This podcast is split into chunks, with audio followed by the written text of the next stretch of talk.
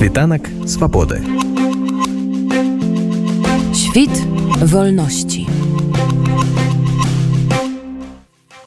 Беларускія ўлады рапартуюць што эканамічны блескрых супраць краіны не ўдаўся яны здолелі прайсці пік эканамічнага ціску звязаны перш за ўсё з увядзеннем санкцый у адносінах да ключавых галінаў. Гэта часткова пацвярджаюць і незалежныя эксперты. Як кажа старшы навуковы супрацоўнік даследчага цэнтра бюрок Дмітрый круг уладам пакуль удаецца даваць рады экспартнаму шоку галоўным чынам за кошт на канкурэнтназдольнасці беларускай прадукцыі. Але гэты фактор у асноўным кан'юнктурны і ў любы момант ён можа знікнуць. Паводле ацэнкі даследчыка эканоміка набліжаецца да дна і сярэднетэрміновыя перспектывы для яе вельмі змрочныя. Свае прагнозы Дмітрый круг агучыў на прэзентацыі даследавання макраэканамічнай сітуацыі дзе прысутнічала і наша корэспандэнтка ольга сямашка якія прыкметы дазваляюць вам казаць што дно ўжо блізка?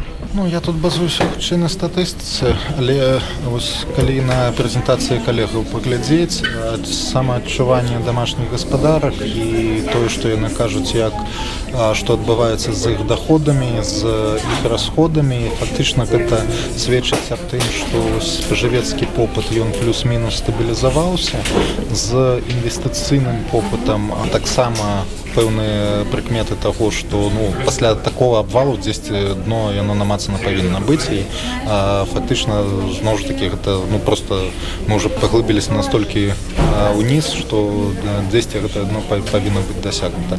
Ну і галоўная рэч наконт экспорту тыя лічбы якія я паказваю экспартны шок яго удалося падалаць ну не ў поўнай ступені часткова купіраваць я б сказал вось гэта. Ўсё ў суме гэта дае вось такі вынік што дно ну, хутчэй за ўсё яно блізка. Але б я не казаў б тым што гэта вось такая грунтоўная выснова на 100 хісткасць і нявызначанасць будучыні экспорта это такая міна запаволенага дзеяння на будучыню і тое што зараз можа здавацца што дно намацана фактараў прычынаў якія могуць гэта дно паглыбіць значна істотна вельмі шмат. А вось што тычыцца экспорта яго выцягнула ў гэтым годзе кан'юнктура? Часткова аднаўленне нафтапрадуктаў гэта бы сказаў што першасная напэўна па значнасці рэч. По-другое так кан'юнктура і магчымасць у другім трэцім квартале прадаваць шмат якіх тавараў у рассіі Таму што ў рассіі цены адаптавалі значна хутчэй і адпаведна цэнавы гэп то ж розніца паміж цэнамі на расійскім рынку на беларускім хатнім рынку яна вельмі павялічылася ў перыяд дзесьці з красавіка. Ну, это і зараз актуальна вось на перыяд з красавіка по прыкладна жнівень гэта была просто огромністая розніца ад шмат якіх бізнесмена чуў што там прадаць любы тавар на расійскі рынок можна не падымаючыся з канапы той перыяд было. Ну вось гэта две галоўныя прычыны А што тычыцца рызык для канкурэнтаздольнасці ў наступным годзе што гэта можа быць гэта не тое што рызык. Я б сказаў што вось гэтая падвышаная канкурэнтаздольнасць цэнавая якая склалася гэта такая выпадковасць у пэўнай ступені шчаслівая для бізнесаў і для ўсёй эканомікі. І як любая выпадковасць пытання калі яна знікне гэта не нешта устойлівае не нешта што было мэта накіравана дасягнута. Таму любая выпадковасць она рано ці позна яна знікае. І фактычна вось гэтай нечаканай звыш канкурэнтаздольнасцю тое ж самае адбудзецца і гэта даволі натуральна.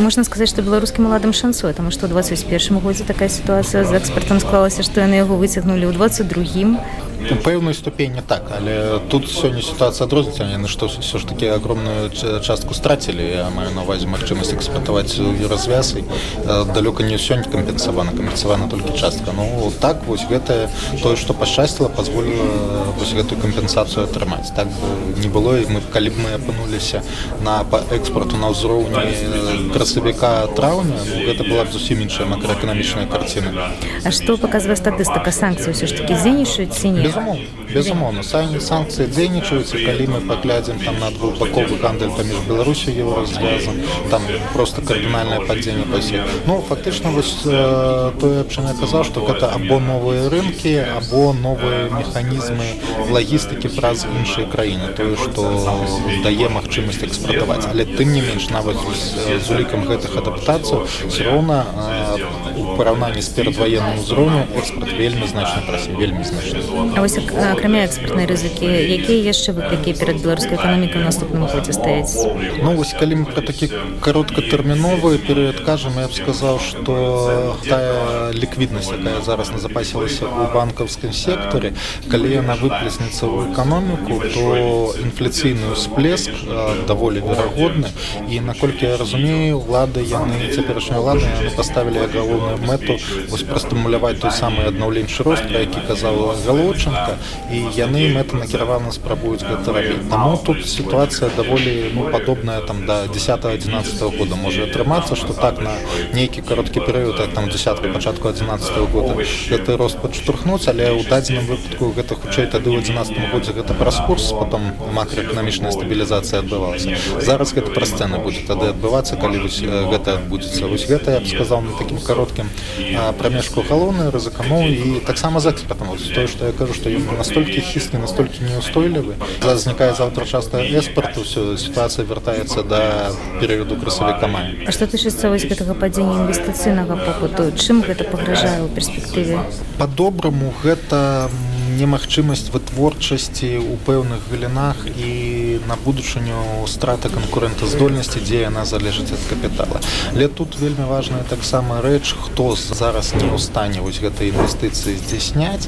І калі гэта ты дзяржпрадпрыемствы якія просто штучна іх інвеставалі і у якіх і так празмерны ўзровень капіталу то гэта з кардынальнае зніжэнне можна его характарызаваць у пэўным сэнсе як плюс у тым сэнсе што ну інвестыцыі якія не маюць сэнса лепш не рабіць чым зрабіць а потым запашваць толькі даўгі як это было перад мадэрнізацыі калі ж гэта вось прыватны бізнес то вось першая лінейка аргументаў працуе які мог бы развівацца які зараз не развіваецца то бок гэты мы просто не рэалізуем патэнцыял гэтага бізнесу які мог бы цягнуць за сабой развіваць всю эканоміку Світанак свабоды. Świt wolności.